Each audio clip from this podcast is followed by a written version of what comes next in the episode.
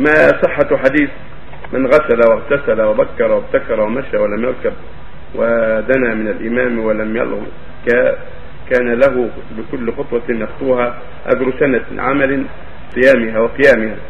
ذكر صاحب الروض بأن رجاله ثقات. هذا حديث مشهور والذي يظهر ويغلب على ظني ويغلب على ظني أنه لا بأس برجاله ويدل على التمشيد الجمعة والحرص على المبادره إليها والقرب من الإمام. والإنصات سماع الخطبة وجاء في هذا معنى أحاديث كثيرة تدل على شرعية التبكير والمسارعه إلى الجمعة والاغتسال فيها والطيب والقرب من الإمام والإنصات كل هذا من القرب العظيمة.